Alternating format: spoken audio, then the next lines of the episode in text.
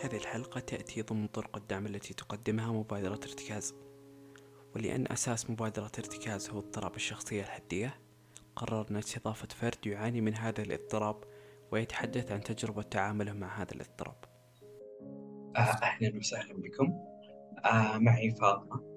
آه، أنا معاكم. اسمي فاطمة أو حابة أتكلم عن اضطراب الشخصية الحدية وكيف أثر في حياتي ومتى اكتشفته وكيف بديت أتعامل معه والأشياء اللي ساعدتني إني أطور شخصيتي أكثر بالبداية متى حسيتي إن الحياة تغيرت عليك؟ آه والله شوف أنا يمكن من سنوات أعاني من هذه المشكلة يعني مريت بعرقة الكثير يعني لما كنت في الجامعة آه أول ما دخلت الجامعة وكذا كان عندي عقدة في الشكل اللي هو الاضطراب الأكل آه هذا الاضطراب موجود في من سمات الشخصية الحدية. طبعا الاضطراب هذا كان مرة مأثر علي من نواحي كثيرة. يعني أنا من جد ما قدرت أتعايش مع الوضع ومع الجامعة فخسرت والله جزء من الجامعة. وبعدين بديت آه، من يعني بديت آه، في مرحلة ثانية اللي هي التعلق. إني أتعلق بشخص معين. المهم بعد ما تعلقت بالشخص هذا دخلت في حالة اكتئاب. طبعا ما كنت عارفة أن فيني اضطراب أصلا شخصية حدية. قعدت تقريبا أربع سنوات أتعايش مع الموضوع لوحدي. إلين سجلت في نادي طبعا وبديت يعني أتأقلم أروح وأجي. بعدين بديت أقول ليش أنا أعلق نفسي بشيء كذا يعني. فبديت أنطلق للحياة مع أنه لسه كانت السمات فيني فيني. آه بعدها يمكن كم كملت سنتين أو شيء. آه دخلت في حالة اكتئاب مرة ثانية وهو من ناحية المستقبل. تقريبا كانت في شهر آه ثلاثة 2022 آه بعدها واحدة من صحباتي نصحتني إني أبدأ أتعالج ومن هالأمور فراجعت مختص نفسي. بالبداية كان المختص يحاول يسحب مني كلام ما في أي فايدة. أنا خلاص بحالة الاكتئاب اللي خلاص ما في يعني أمل مني. آه بعدين تحولت الدكتور آه، صرف لي دواء وبعد ما أخذت الدواء بديت أنطلق للحياة. للأمانة كان في رهاب اجتماعي مع اضطراب الشخصية الحدية فتخلصت من جزء كبير من الرهاب الاجتماعي. وبعدها والله آه، عرفت مشكلتي اللي هي المشكلة في الشخصية حقتي لأن كنت فعلا ما ماني حابة شخصيتي وماني حابة ذاتي. آه، فقال لي أحد المختصين اللي هو المختص عبد الملك التركي قال لي إنه أنت تقدرين بإرادتك تقدرين تتعاملين مع الشخصية الحدية حقتك بحيث إنك تخلين شخصيتك توصلك للنجاح أو تخلينها تصطف بك تحت آه، تستسلمين يعني للصعب والأمور هذه. لأن هذه يعني هذه الصفة الوحيدة الموجودة فيك أنت وفي أي إنسان في اضطراب الشخصية الحدية أو بايبولر آه، ثنائي القطب. أي واحد آه، فيهم يعني فيهم هالمرض آه، فيهم هالميزة أنهم يقدرون ينجحون نجاح ما حد يطوله. يعني حتى الأشخاص العاديين مستحيل يوصلون للنجاح هذا. فأعطاني يعني دافع فصرت عارفة أنه مثلا مثلا انفصلت من وظيفة مثلا أو شخص بحياتي تركني مثلا أصدقائي أحد عرفت أنه أنا راح أصير يعني في حالة اكتئاب يعني ما أدري بس تكون حالة اكتئاب فصرت أعرف أتعامل مع الوضع هذا. آه برضو آه أحس إني يعني بديت أعرف أنا مين.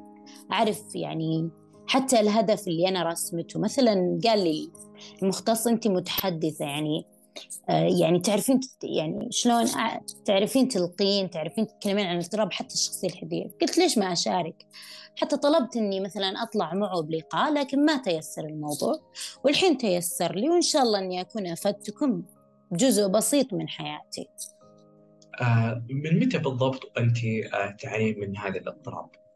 يعني حتى من قبل ما تكتشفين إنه عندك اضطراب شخصية الحديه آه. آه كانت عندك أعراض آه مصاحبه أكيد بما انه اضطراب الشخصيه الحدية دائما يرافقه آه اكتئاب أو قلق أو أي شيء من هذا القبيل. فمن متى وأنت تعانين؟ أعتقد بدأ يعني الاضطراب من بعد الثانوي لأنه بعد الثانوي أساسا الواحد يدخل عمر 19 فتبدأ تتكون شخصيته قبلها ما تقدر تحكم لكن أنا يعني من يعني بعد ما اكتشفت الاضطراب قعدت أراجع الذكريات حقتي أحس إنه يعني من بعد الثانوي يعني بدأ يثمر فيني لأني بديت يعني اضطراب الأكل عندي بدأ من بعد الثانوي على طول. يعني من مرة صرت مرة اضطراب الأكل صار جزء من حياتي. يعني استحالة يعني أتعايش مع الوضع ما كنت عارفة أصلا إنه اضطراب كذا مرة رحت دكتور يعني نفسي بس بلا فايدة لأن كان عندي رهاب اجتماعي فكنت ما أقدر أتكلم. بس الحمد لله أنا تخلصت من جزء كبير من الرهاب الاجتماعي. وأعتقد أنه من سمات اضطراب الشخصية الحدية أنا ماني عارف. فبس أتوقع لأنه دخل شوي بالثقة. الرهاب بدأ معك قبل الجامعة ولا بعد الجامعة؟ إيه من قبل الجامعة. أنا لما المتوسط آه، كنت أطلع في إذاعات ما كان فيني رهاب. كنت إنسانة جريئة. بيوم وليلة انقلبت صرت إنسانة مو يعني مو جريئة. قعدت كثير كثير أعاني من ذي المشكلة يعني حتى مهما حاولت رغم إني كسرت جزء من الحاجز إني واجهت المجتمع واجهت الأشياء اللي تخوفني بس برضو كانت أي يعني أي مواقف بسيطة ممكن ترجعني لنقطة الصفر. لكن أخذت علاج دوائي والعلاج الدوائي صراحة ساعدني كثير لدرجة أني يعني ما كنت متوقعة في يوم من الأيام راح أطلع. بلقاء كذا وأتكلم عادي. طيب متى بدأت الرحلة الأولى أو متى الفكرة الأولى جاتك حول العلاج النفسي سواء كان علاج دوائي أو علاج سلوكي؟ والله كانت بمساعدة صديقة يعني للأمانة كانت الفكرة من زمان لكن أنا ما كنت مقتنعة. كان بنظري الشيء هذا إنه حسد عين الأمور هذه. يعني للأمانة أغلب ال... الأشياء اللي كانت في راسي إنه حسد عين مس أمور كذا لأنه أهلي كانوا راسمين الشيء هذا إنه مس وعين والأمور هذه. بس صاحبتي قالت لي يعني جربي ما انت خسرانة شيء. فجربت وما ندمت صراحة. شاركت في تويتر كثير قصتي يعني. كثير كثير جوني يعني. كثير استفادوا مني. بالهبل. فمرة انبسطت إني ساعدت جزء من الناس يتغلبون على الجانب الخوف ناحية الطب النفسي. إن هذا الشيء أصلا مو عيب وعادي.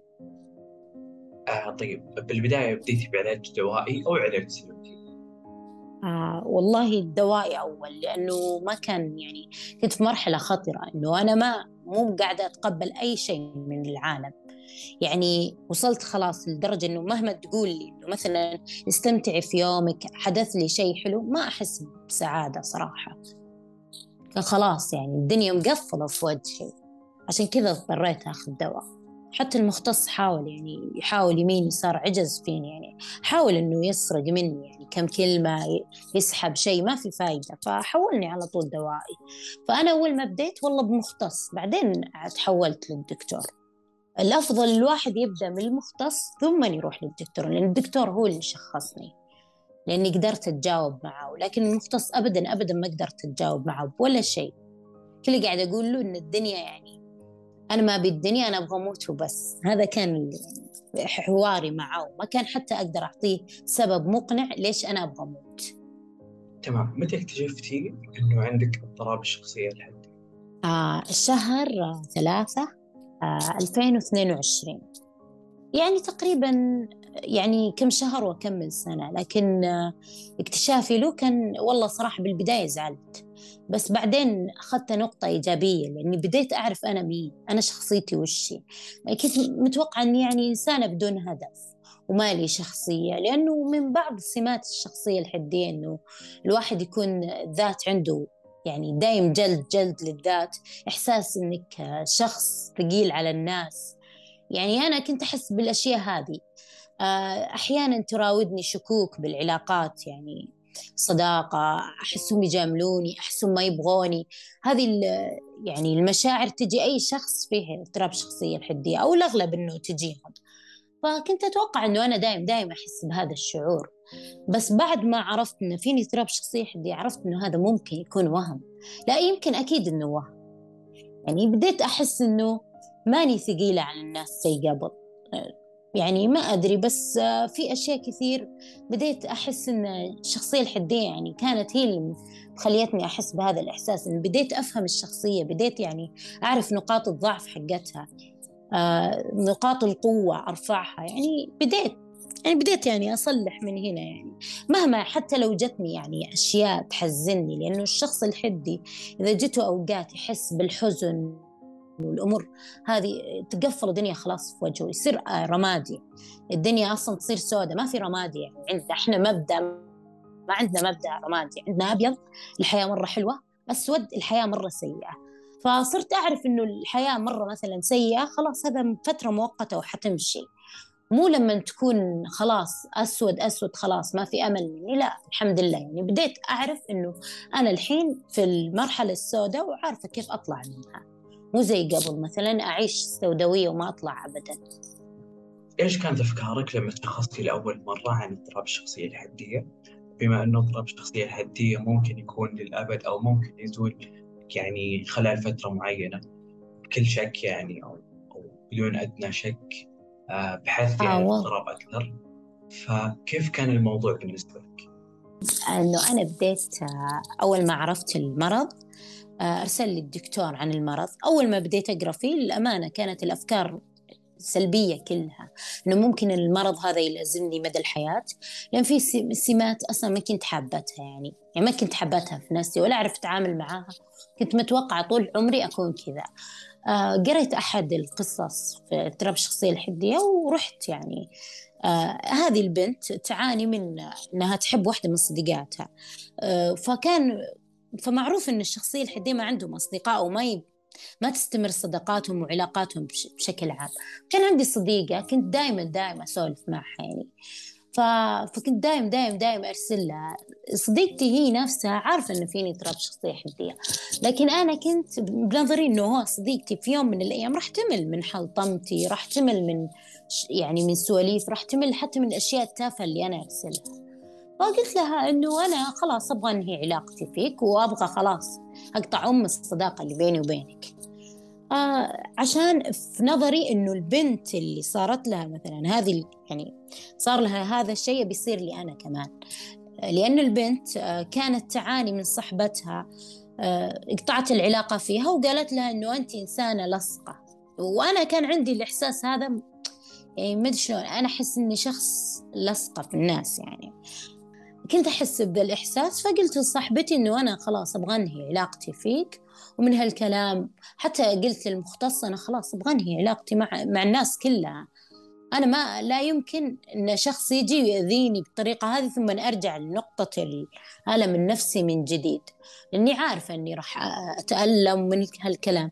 بعد كذا صرت لا خلاص متقبلة الوضع. لكني يعني كانت من البداية بداية سيئة ما أبغى هذا الاضطراب. دخلت جروبات دعم أشياء كثير. ما كنت أشوف صراحة الدعم الكافي. لين شفت مبادرة ارتكاز للأمانة وقلت يعني بشوف بشيك.